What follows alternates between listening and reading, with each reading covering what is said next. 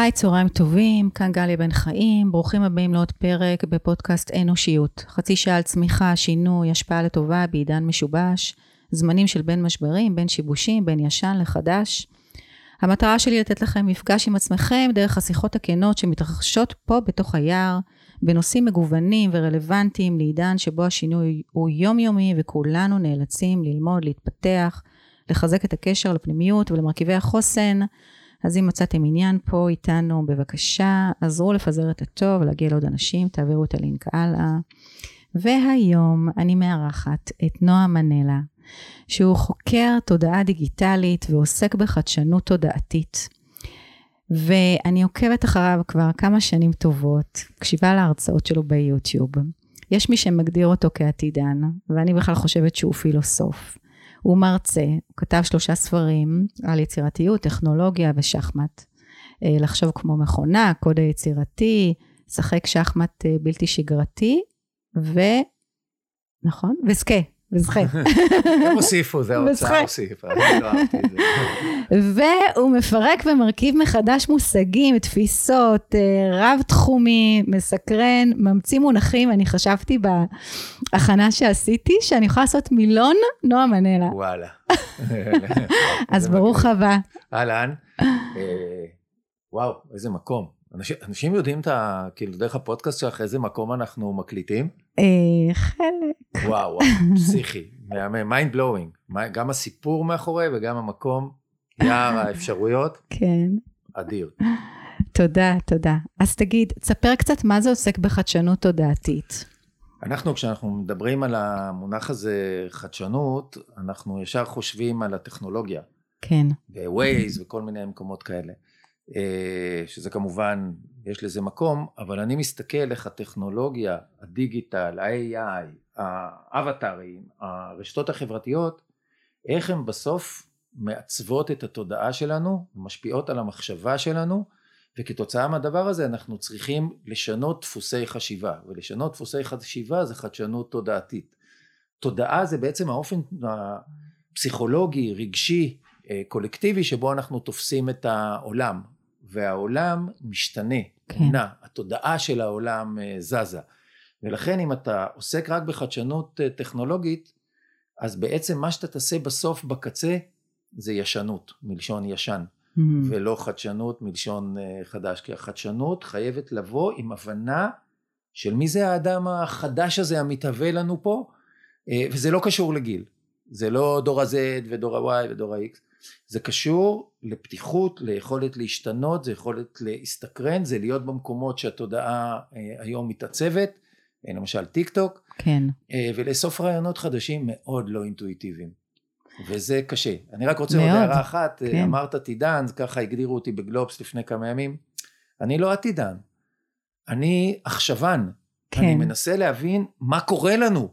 עכשיו רוב האנשים הם בכלל עבריינים, כי הם לא חיים עכשיו, הם חיים בעבר. בעבר איתו הם צמחו וגדלו, והמשוואה היא נורא פשוטה, ככל שאתה מחזיק בעמדות מפתח יותר חזקות בארגונים, ככה בעצם, ה, נקרא לזה, התודעה שלך יותר שבויה בעולם הישן שאיתו הצלחת, ויותר קשה לך להיפתח נכון. ולהשתנות. וגם, אני חושבת שאנחנו, טוב, מדברים על זה הרבה, על כל הנושא הזה של הפייק ניוז, ואתה לא יודע מה נכון, מה לא נכון. ו... ידעת? אמ, אז אני, אני יכול להגיד את זה? כן. אנשים חושבים שפעם הייתה אמת והיום אין אמת. פעם היה... ואנחנו בעצם נמצאים בעידן של... מה שהם לא מבינים, שמה שקרה לנו, כן. שלא קרסה האמת, האמת לא הייתה. אוקיי. מה שקרסה זה ההסכמה החברתית שמה שאומרים לנו האמת. וברגע שאנחנו הסכמנו שמה שכתוב בעיתון, מה שכתוב בטלוויזיה, מה שאומרים לנו המנהיגים, המדענים וזה, זה אמת, אז יכולנו להתנהל בתוך ה... נקרא לזה הפלזמה שחלקים ממנה היו שקריים לחלוטין, או נרטיבים, או חלקים רק של האמת, אבל הם לא ביטאו חלקים אחרים. וזה, ההסכמה החברתית הייתה הדבק.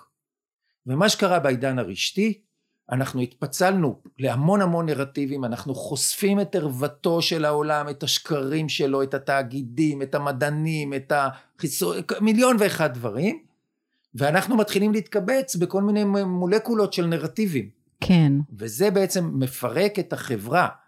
אבל מה שבעצם קרה זה שהדבק החברתי של ההסכמה המדומיינת התפרק. האם זה תהליך טוב או לא, זה כבר נורא סובייקטיבי, כי נכון. זה מפחיד את האנשים כשהדבק כן, נגמר. כי פתאום אין ודאות. אבל אני מעדיף את זה. אני אוקיי. מעדיף את זה מאשר מעט אנשים ששלטו בתודעה שלנו ויכלו לעשות איתנו מה שהם רוצים. והיום יש קרב על התודעה, ויש קרב על הנרטיבים, ויש קרב על האמת, וזה מצב יותר בריא כן. כשלב מעבר של האנושות. נכון, אני מסכימה איתך, אם הייתה לי את האפשרות, בוא נגיד אנחנו הפכנו להיות ספקנים, ואם הייתה לי את האפשרות היום לפתח את החשיבה הביקורתית שלי באמצעות ריבוי דעות, אבל מה שאני רואה ברשת, מה מעלים לי? את התכנים שדומים לדעות שלי, לא? רגע, בואי נחשוב שנייה, אמרת שני דברים. תעזבי, הר- הרשת היא מעלה את התכנים הדומים, אבל היא- היא- את יכולה לשלוט בזה. אנשים חושבים שהפלטפורמות, יש להם שליטה מוחלטת בתודעה שלנו, זה לא נכון. העולם שבו אנחנו צמחנו, שהיו גופי תקשורת כמו טלוויזיה, עיתונים, הם שלטו בתודעה בצורה הרבה יותר מוחלטת. כשאתה קורא כל יום את אותו עיתון, וקראנו כל יום את אותו עיתון, לא משנה אם זה ידיעות אחרונות, הארץ או מקור ראשון, הוא משתלט על התודעה שלך, הוא מייצר את הטרמינולוגיה שלו, הוא הופך אותך לאינדוקטרינציה, כי כל יום אתה קורא את אותם אנשים עם אותם טקסטים, עם אותם סיפורים, עם אותה אג'נדה. תסתכלי על הפידים שלנו, אנחנו שולטים, לי יש בפייסבוק חמשת אלפים אה, חברים כן. ועשרת אלפים עוקבים. זאת אומרת שאני חשוף עוד לחמישה עשר אלף סוגים של אנשים שונים ומשונים ומידעים, נכון? שהפלטפורמה מזהה מה אני רוצה, אבל אני יכול לתת לזה fight. אני יכול להחליט שאני לא רוצה את הדבר הזה, אני יכול להחליט שאני עוקב אחרי אנשים שהם אולי בדעה פוליטית אחרת. זאת אומרת, יש לנו המון שליטה על הדבר הזה, אנחנו לא קורבנות כן. של הפייסבוק. הם שחקנים רציניים, פייסבוק, טיק טוק, אינסטגרם, טוויטר, אנחנו רואים מה קורה עכשיו עם אילון מאסק, אבל אני נמצא בטוויטר, בטיק טוק. כמות השונות וה- וה- והדברים החדשים היא מטורפת, מטורפת. עכשיו בשלב מסוים כשאני מזהה שהם זיהו משהו אצלי והם מתחילים לתת לי מאותו סוג, גם ספוטיפיי עושה את זה, גם נטפליקס עושה את זה, אני מתחיל לאלף את האלגוריתם וזה המקום, לא יכולת לאלף עיתון. אבל אוקיי. את האלגו אתה יכול לאלף, אתה מתחיל איך? להזיז מהר את מה שאתה לא רוצה, אתה עושה unfollow, אתה עושה את זה, הוא אומר אה. בואנה זה כבר לא מעניין אותו. אוקיי. ולכן אנחנו לא קורבנות כמו שכולם חושבים של הפלטפורמות האיומות האלה, הן איומות, וכגופי תקשורת הם אולי איומים, אבל אנחנו שחקנים אקטיביים, אז ולא זהו, פסיביים. זה, זה מחייב פרואקטיביות, זה מחייב... נכון, וזה מכניס אותי לחשיבה הביקורתית, מפני שמגיל אפס, קודם כל, לא מלמדים אותנו חשיבה ביקורתית, נכון. מלמדים אותנו נהפוך הוא, ולכן לא צריך צייתנות. ללכת לפלטפורמות. צוקרברג לא אשם שמשרד החינוך רוצה אנשים צייתנים ופסיביים. כן. מי שאשם זה משרד החינוך שלוקח ילדים בגן ושם אותם בטורים ובשורות ואומר להם מי מותר לו וכל 45 דקות תצא להפסקה. הם מייצרים אותנו. וכולנו בעצם גלי הדף של עידן המהפכה התעשייתית והאופן שבו היא הייתה צריכה אנשים צייתנים עם מנהלים סמכותיים שינהלו אותם על הקו ייצור ולכן מגיל אפס מהגן והבית ספר וכמובן תיכון וצבא ואקדמיה שכאילו יש חופש אין חופש אתה חייב לכתוב מבנה משפט מסוים עם מילים מסוימות כן. עם ציטוטים מסוימים אחרת אתה, אתה לא יכול לתקבל נכשל ומקומות עבודה שאומרים לך איך לחשוב איך לחשוב ושמים לך את הערכים פייק שלהם על הקיר בואי אני אגיד לך עכשיו 90% מהערכים שיש, ב- אה, הערכים שיש ב-90% מהארגונים. מקצוענות, אכפתיות, הוגנות, משפחתיות. אתה עובד בארגון הזה, אתה יודע שהכל פייק. אז מה פייק? פייק ברשת? אתה בא כל יום לפייק הזה. כן. אז, אז מה רמת האמון שיש לך? אז זהו, אז בוא נדבר על אמון רגע. כי בעצם כל הספקנות, והזה שאנחנו חשדניים מאוד, וקצת ציניים, מה קורה לנו בסוף ביום-יום, כשאנחנו הולכים למקום העבודה, כשאנחנו שולחים את הילדים שלנו לבית ספר, מה קורה לרמת אני האמון? חושב שהספקנות היא הדבר שצריך לטפח, אוקיי, ולא אה, לדכא. אוקיי, ספקנות היא דבר בריא, ביקורתיות היא דבר בריא, אבל אנשים שמושכים בחוטים רוצים אה, חיילים, חיילי תודעה. כן, אה, ולכן לא מפתחים אצלנו את השריר הזה, ורובנו אין לנו אותו. כן, ואז אנחנו מצטטים כל מיני אנשים וכל מיני גדולים וכל מיני כאלה וכל מיני מחקרים. אה, עכשיו, העולם היום, בגלל שהוא בעצם, כמו שאמרתי קודם, חשף את ערוותו של העולם, וחשף את השקרים ואת הפייקים ואת הצ'רקסים של התאגידים ואת מה שהם מכסים, אז חוסר האמון שלנו הולך וגדל וגדל וגדל, ו, ו, והיום אנחנו נמצאים במצב שהוא מאוד מאוד מאיים מפני שחוסר האמון שלנו הוא כללי הוא כלפי מערכות הבריאות ראינו את זה בקורונה עם המתנגדי חיסונים אנחנו רואים את זה כלפי מערכות המשפט והמשטרה והדמוקרטיות והדבר הזה מייצר פשיזם מפני שהכאוס הנרטיבי הזה מייצר אה, בעצם המון המון תנועות וכל אחד לוקח את החיים למקומות שלו והדבק בעצם יש פרימה כן. של הדבק החברתי וזה מוביל לפחד מתוך הכאוס הזה. ואז אנחנו רוצים מנהיג חזק שיסדר לנו את, ה, את העולם שידביק לנו שידביק לנו את זה מחדש. וכמובן שזה אשליה שיכול לבוא איזה מישהו להדביק לנו עכשיו נכון. את העולם. אז זה עוד יותר קורע אותנו. ולכן צריך להבין שהדמוקרטיה וכמעט כל המערכות כולם צריכות לעבור רוויזיה מחשבתית עמוקה כל כך שרוב האנשים שנמצאים היום במקומות האלה לא יכולים לעשות אותה ואנחנו צריכים להסתכל על המדינה בצורה חדשה על המוסדות שלה ארגונים צריכים להסתכל על העובדים שלהם בצורה חדשה הרי מה זה כל התופעה הזאת של מה שקוראים the great כן. resignation או the great reshuffle ההתפטרות הגדולה כן, שאני קורא לה ההתנערות הגדולה כן. התפטרות זה, זה, זה שם על הפנים כן. כי זה אומר אנשים עוזבים אנחנו מתנערים מחוזה ההעסקה הישן, מחוזה העבודה, איך הגשת לי? מה זה מושג העבודה? אנחנו מתנערים ממנו, כמו שהגישו לנו. כן. ואז אין נהגי אוטובוס, אין מורים, אין שוטרים, אין מוקדנים, מלצרים. אין כלום. אין סבלים. אין כלום. אין. אנשים לא רוצים לעבוד. עכשיו, המנהלים עוד לא מבינים את הדבר הזה, המנכ"לים, המושכים בחוטים, אז הם מתחילים להגיד, הם מפונקים, עצלנים, ממה הם מתפרנסים, מה אכפת לך ממה הם מתפרנסים? אתה צריך להשתנות כי אתה צריך את הטובים אצלך כי אתה צריך שיהיה לך אנשים ואנשים כבר לא רוצים לעבוד באופן שאתה מגיש להם אז במקום שאתה תשתנה אתה מתחיל להיות שיפוטי ו- וזה מה שקורה ברוב, ה- ברוב המערכות אה, שלא מבינות את האדם החדש ואת המושגים האלה ואני רוצה להגיד עוד משהו נורא מהותי. אנשים אומרים לי בואנה אבל אנשים רוצים סמכות אנשים רוצים מנהיגות אנשים רוצים עבוד נכון אבל כשאתה אומר סמכות ואתה שייך לעולם הסמכותני, העולם ההוא שהגיע מהמהפכה התעשייתית, העולם שנותן גם למדע איזה מקום נורא ולשופטי בית משפט האלה ולכל המקומות האלה, ואני מגיע מהמקום החדש, הכאוטי, כן. יש אומרים המטורלל הזה, נכון. אתה אומר סמכות, אני אומר סמכות, שנינו טוענים אותה בדבר אחר. אתה אומר מנהיגות, אני אומר מנהיגות. אני רוצה מנהיג, אתה רוצה מנהיג. אבל אני רוצה דמות אחרת ממך. אז מה זה מנהיג היום? מה המנהיג החדש? אני חושב החדש? שהדמות הכי מעוררת השראה שמסתובבת היום, כן. בעיניי זה זלנסקי. אני מסתכל. אוקיי. על זלנסקי ואני מתרגש. אני, אני, מה פתאום שאני אתרגש מפוליטיקאי? מה, מה קרה לי? כן. ואני מסתכל על איך הוא מדבר, אני מסתכל על האותנטיות, אני מסתכל על החיבור שלו לאנשים, אני מסתכל על הכאב שלו, אני מסתכל על ההחלטות שהוא מקבל, על הדילמות, איך הוא משתף, איך הוא מדבר, המקום שהוא נמצא, ואני רואה איך האוקראינים במצב כך קשה, חורף, אין חשמל, אין זה, ואיך הם הולכים איתו כבר.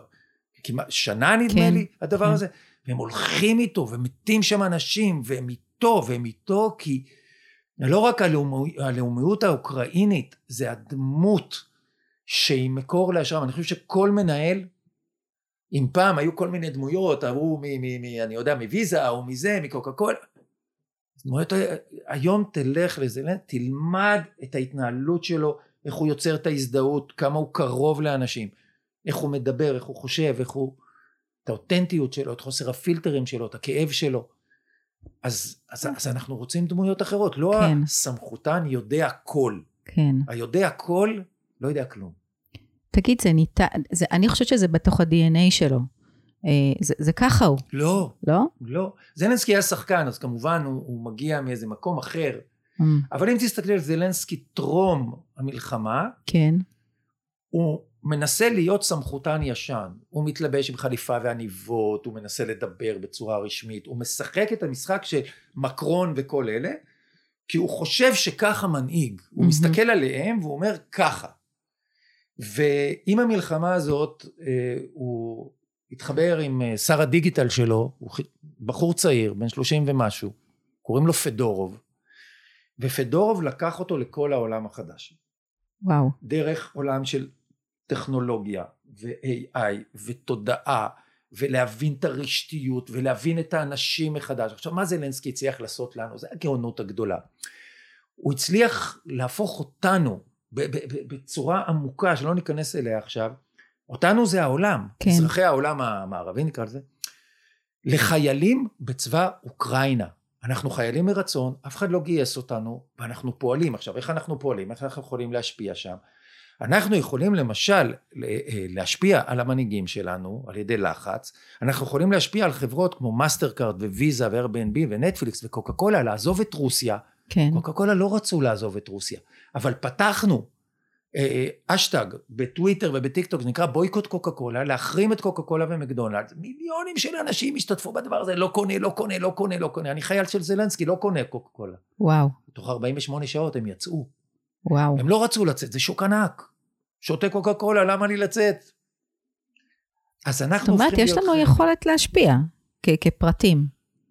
כפרטים שעובדים כקולקטיב. שעובדים כקולקטיב. כקהילות. כקהילה. נכון. אנחנו היום בעצם עובדים כנחילים, אני קורא לזה. אוקיי. וכל פעם אנחנו מתאגדים לאיזשהו נחיל, לפעמים דרך אגב זה נחיל לרגע. יש לנו עכשיו משהו מרגיז אותנו, אנחנו כן. איזה נחיל לרגע, ואז זה נהיית בועה כזאת, ואחרי יומיים אף אחד לא שובר. ואנשים חושבים, אה, זה הכל בועות כאלה, זה לא נכון.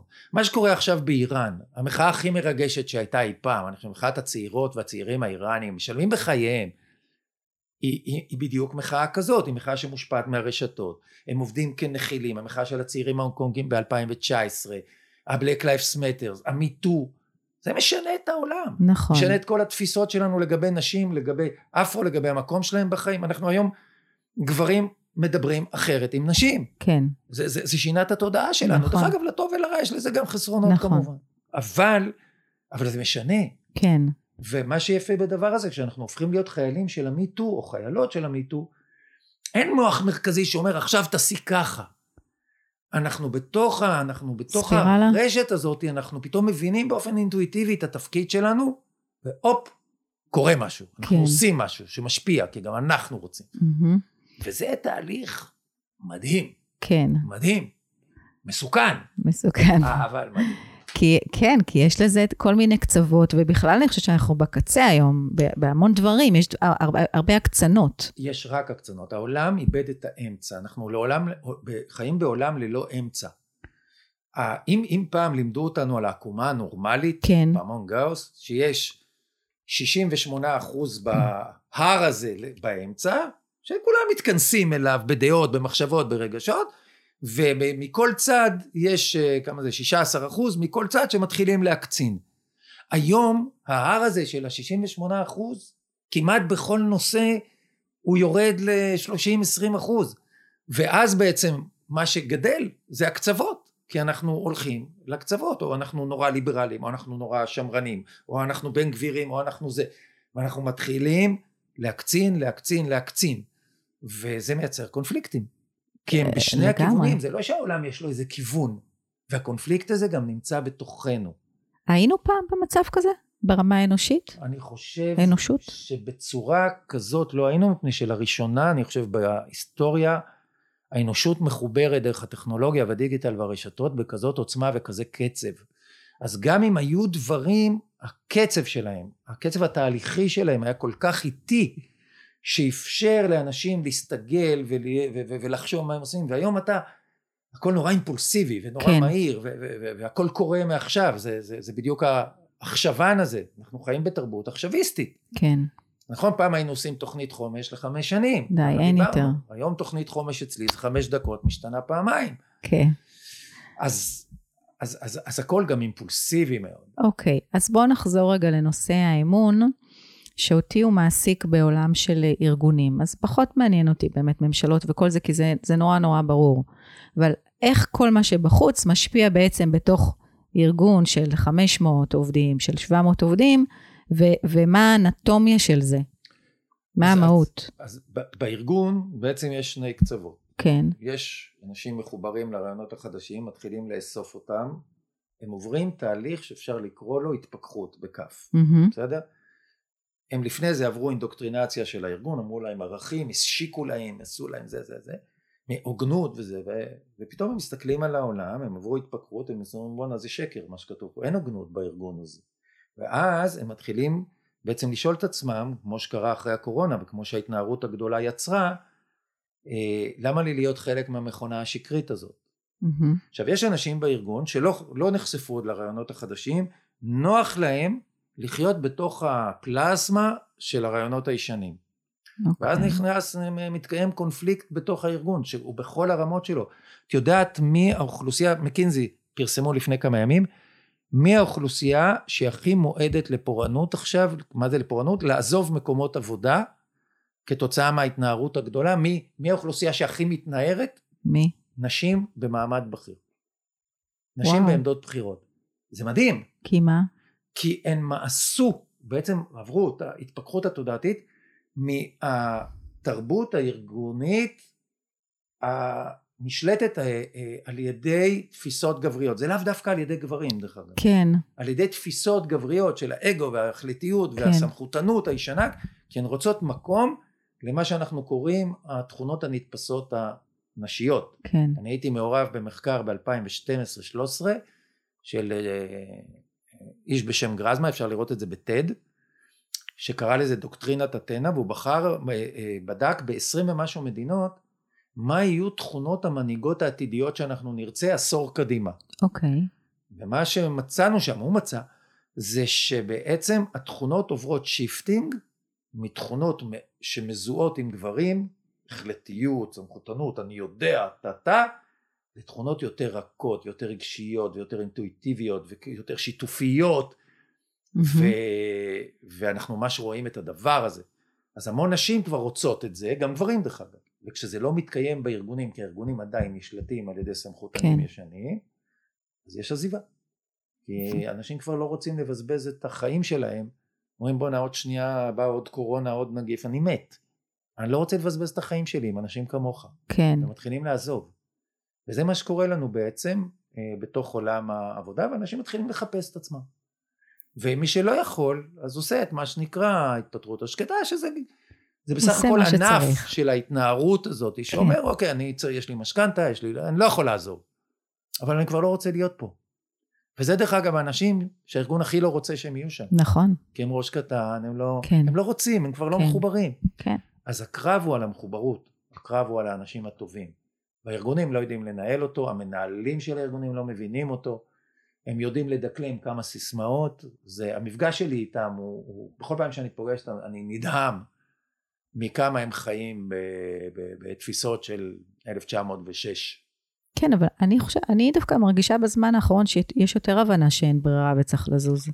ככל שהמצב יותר גרוע והארגון יש לו פחות ופחות אנשים, אז הוא מתחיל להבין משהו ואז הוא עושה איזה מינימום שמאפשר לו אולי רגע להיות על גלי, על, על, על המסילה הזאת עוד טיפה.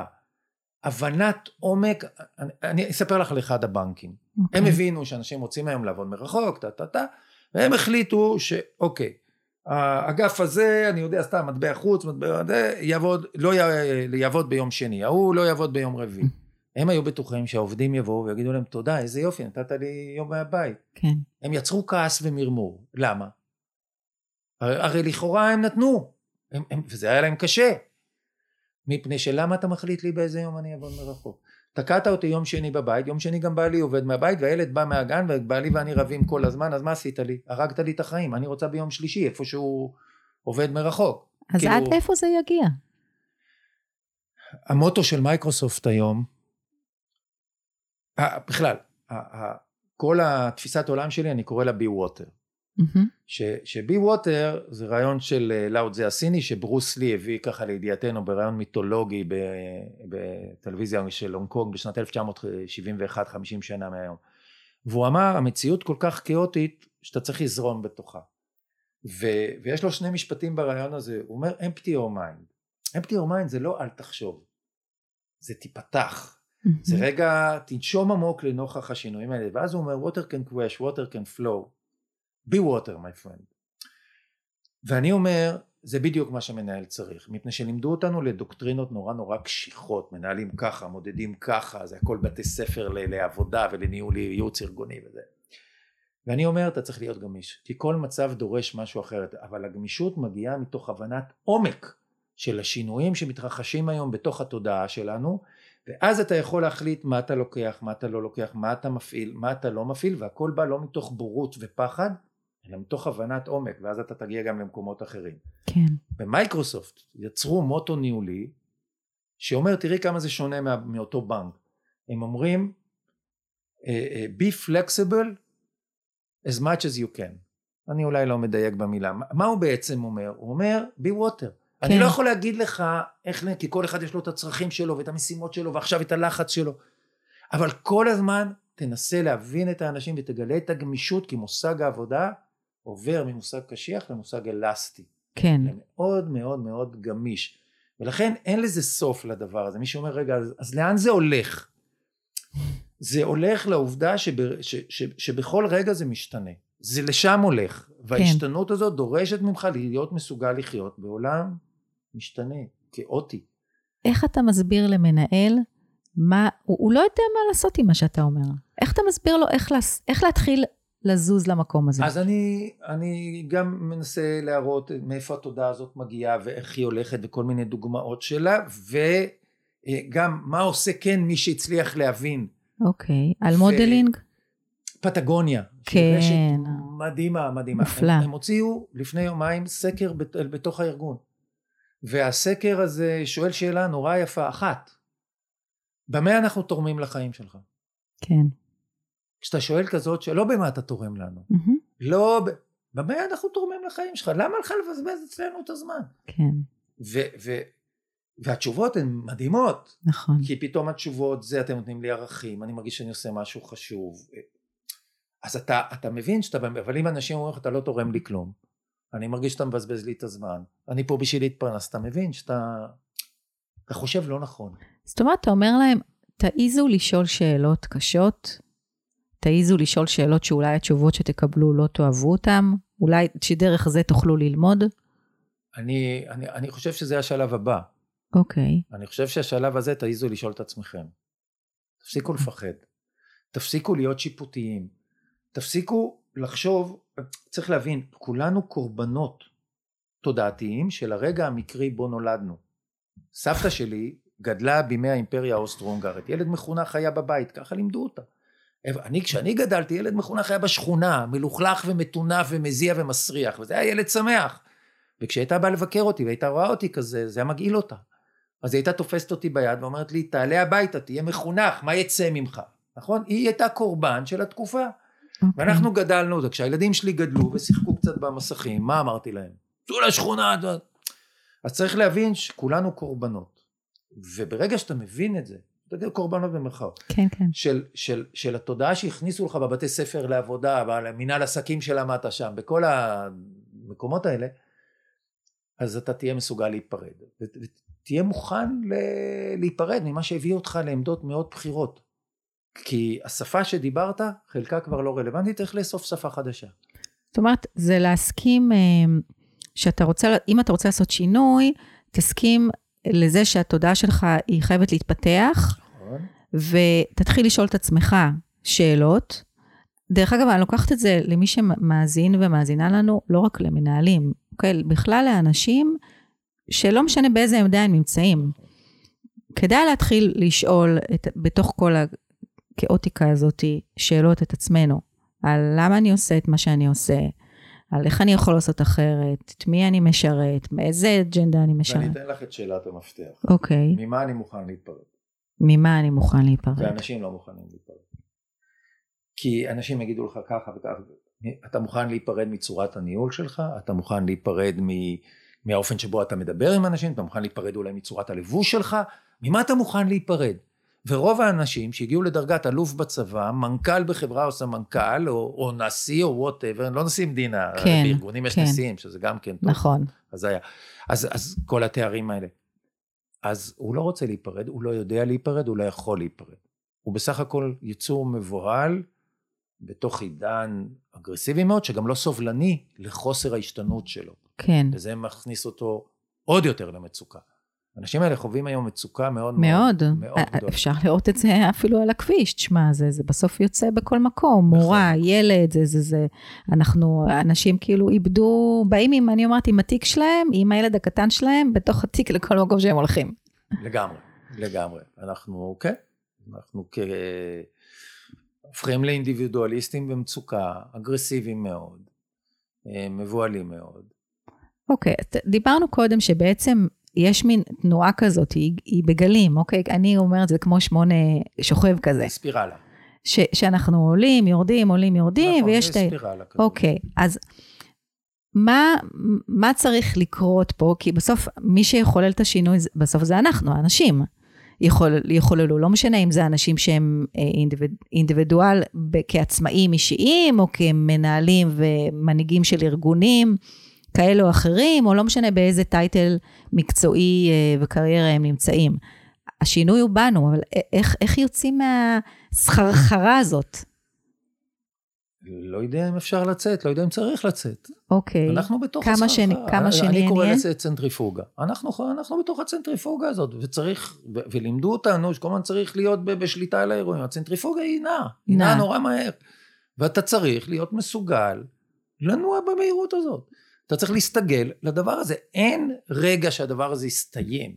כן, אין רגע שתהיה תפנית. אין, לימדו אותנו כמו במלקום גולדוול, הוא כתב The Tipping, נקודת התפנית. אצלך, אין, יש כל רגע קורה משהו שמייצר מפנה לכל מיני כיוונים, זה תלוי כל אחד וכל קהילה וכל קבוצה, מה, לאן היא לוקחת אותו, ואם היא מבינה אותו ומצליחה לרתום אותו לטובתה. אנחנו עושים עכשיו פודקאסט, לפני שבועיים עלה פודקאסט מדהים, של ג'ו רוגן, הפודקאסטר. כן. חזק הזה, שספוטיפיי קנו אותו באיזה 100 מיליון דולר, אה, והוא מראיין את סטיב ג'ובס. מה הבעיה? שסטיב ג'ובס מת, וג'ו רוגן לא ראיין אותו. ואתה מקשיב לזה 20 דקות, וזה פודקאסט מדהים. די. כן, אז מה קורה? נכנס AI, לקח את כל מה שג'ו רוגן יודע להגיד מהזה, לקח את מה שסטיב ג'ובס, הלחים את זה לשיחה קוהרנטית כמעט לחלוטין, וואו. ועכשיו יש לך שיחה של 20 עכשיו, זה הראשון, עכשיו הנה tipping point טכנולוגי, אוקיי? כי מעכשיו אנחנו יכולים לקבל שיחות מדהימות בין, אה, נגיד צורך העניין סוקרטס, או נגיד מישהו שיש לו כתבים שהיה יכול לקחת, לניטשה. בין ניטשה לאיינשטיין, בין ניטשה למסי. בואו, ניטשה, אנחנו יכולים עכשיו להלחים את מי שאנחנו רוצים. וואו. וזה יכול להיות mind blowing, מחשבתי. עכשיו תחשבי על תלמידי בתי ספר, שהם כמה הם יכולים להבין, ו, ופתאום אתה אומר, וואו, עכשיו הדבר הזה יכול להפחיד, בוא'נה, מדברים עם מתים וזה, וזה יכול להיות, וואי, זה פסיכי. אז זה פסיכי. אבל כשאתה מתיידד עם העולם הזה, אתה אומר, הנה עוד נקודה מדהימה, ומפחידה. זאת הקוטביות, מדהימה כן. ומפחידה. התחילו לדבר עם מתים, סוסיאנסים. מה קורה כאן? מצד שני, בואנה, אני ניטשה קשה לי לקרוא, ואולי AI ייקח את ניטשה, או את מי שכתב על ניטשה, וכתב יחסית פשוט, ואני אוכל להקשיב, ואני אדע ניטשה. מהמם. כמה אנשים מכירים את ניטשה, חוץ נכון. מלהגיד ניטשה, כן. ופתאום וואו, אני אוכל לדעת על מה הוא כתב, מות האלוהים וזה, ו... בואנה, מגניב. וואו. אז, אז, אז זה הכל, איך אתה עושה את זה? זאת אומרת, ואני, ועוד לא דיברתי איתך בכלל על אבטארים, וה, וה, כן. והתרבות הזאת, ו... כן, כי. כי אני חושבת שבאמת ה- הפחד השתלט על האנושות. נכון, ואז אם יש פחד, אין אמון, נכון. אין, יש יש הישרדות. חשדנות, פרנויה, כן, אימה, וזה שאני פרנואיד לא אומר שלא מנסים להרוג אותי, כי יש כוחות שמנצלים את הדבר הזה לאיום ונורא. כן, כי אתה יכול לקבל עכשיו פודקאסטים עם היטלר. כן. אמרתי ניטשה, איזה יופי. היטלר נכון. זה כבר לא כזה יופי, נכון? עכשיו כן. יהיו ניאו-נאצים. נכון, נכון, זה העולם. זה הקצוות. ולכן צריך ללמד אותנו מגיל אפס לחשיבה ביקורתית, ואי אפשר לזרוק אותנו לפודקאסט של היטלר כשאנחנו חשופים, ולכן כן. בית ספר מועל בתפקידו.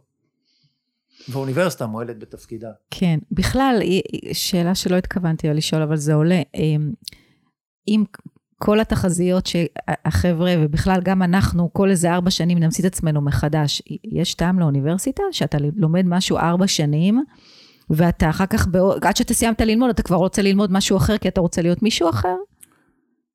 מה... קודם כל, קודם כל אני חושב שיש מקום למוסדות ידע, אני חושב ש...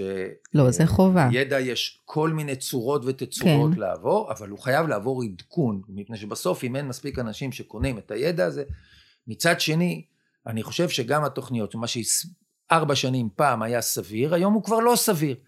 היום לראות אה, אה, אה, יוטיוב של רבע שעה זה כבר קשה, כן. פעם זה היה סטנדרט. כן. היום הטיקטוק אכל להם את, ה, את הצפיות, בשביל זה יוטיוב הקים את השורט.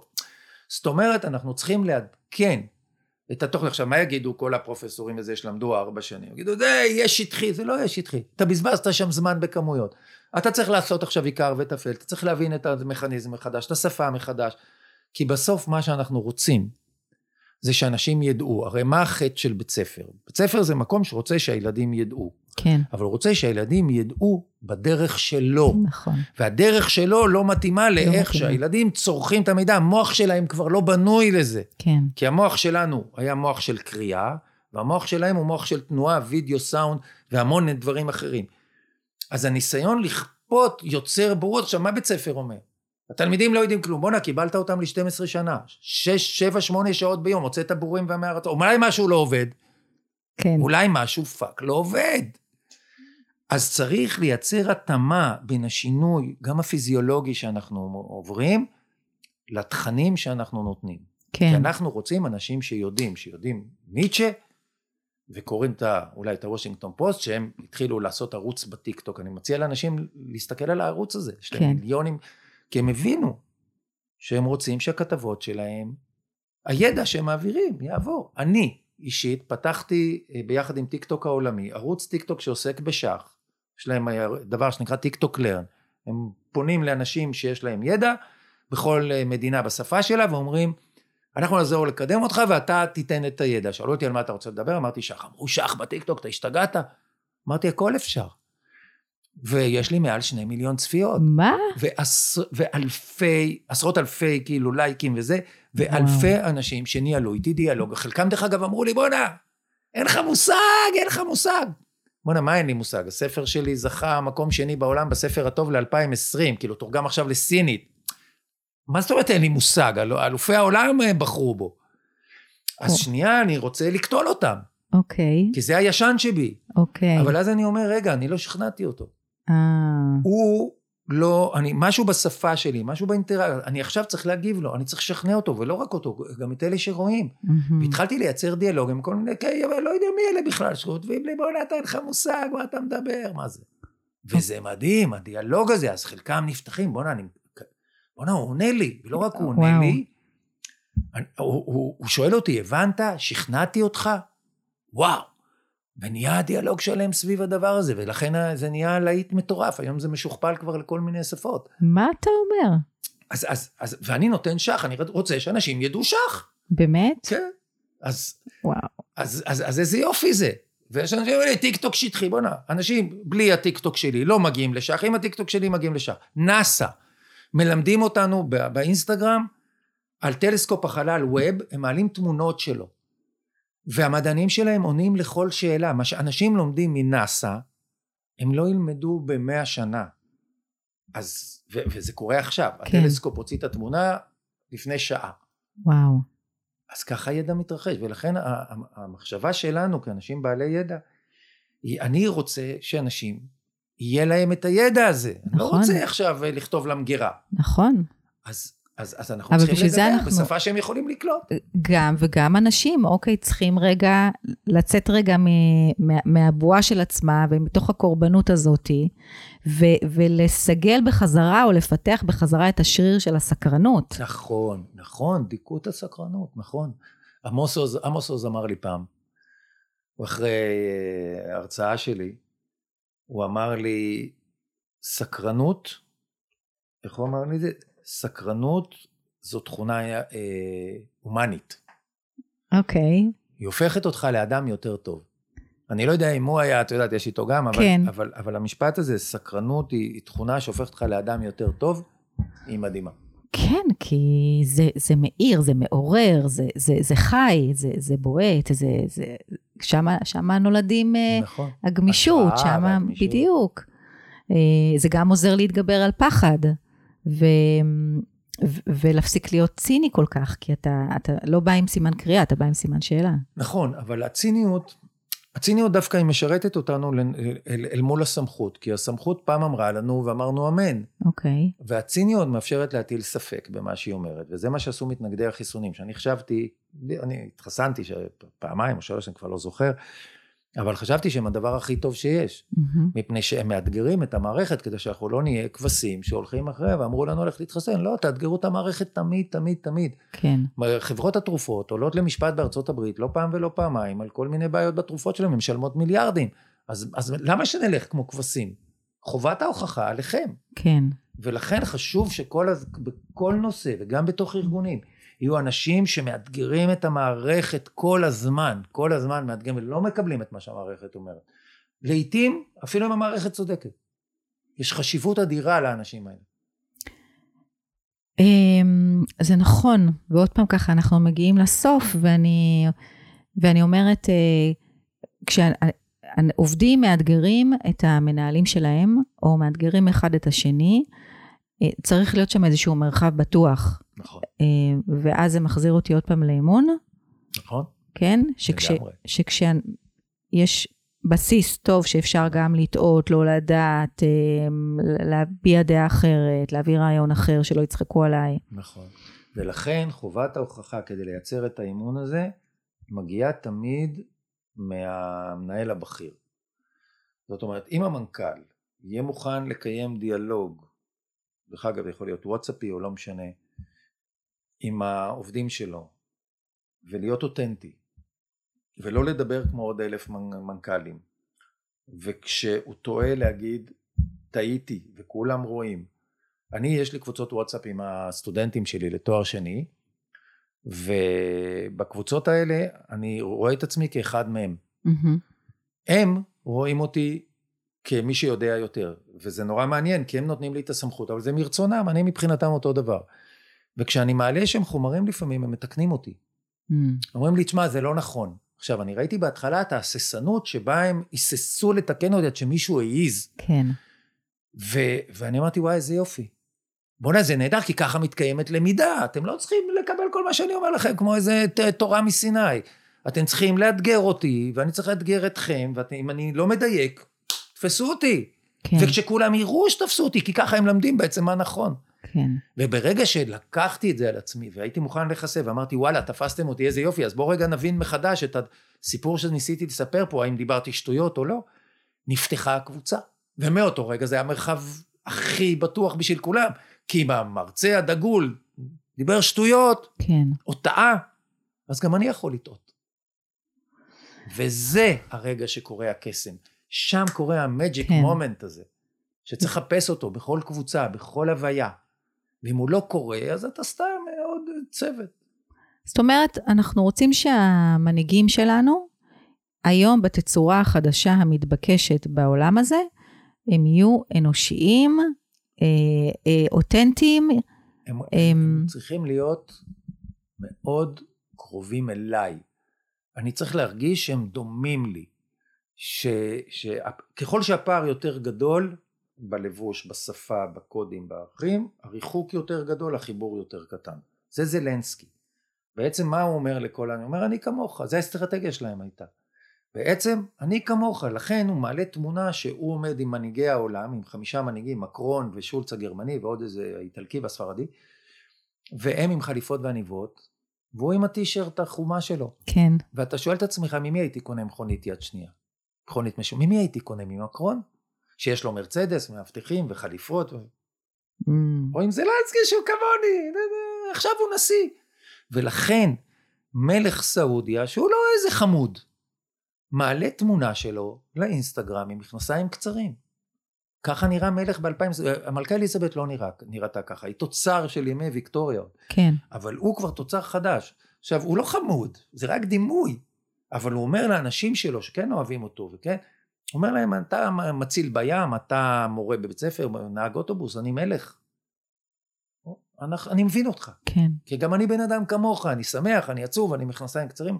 עכשיו, זה רק תנאי ראשוני, יכול להיות שמאחורי זה הכל פייק, מהמם, אבל זה פותח אותנו. ועכשיו אנחנו, יש איזה משהו שאנחנו יכולים לבדוק לשכבה הבאה.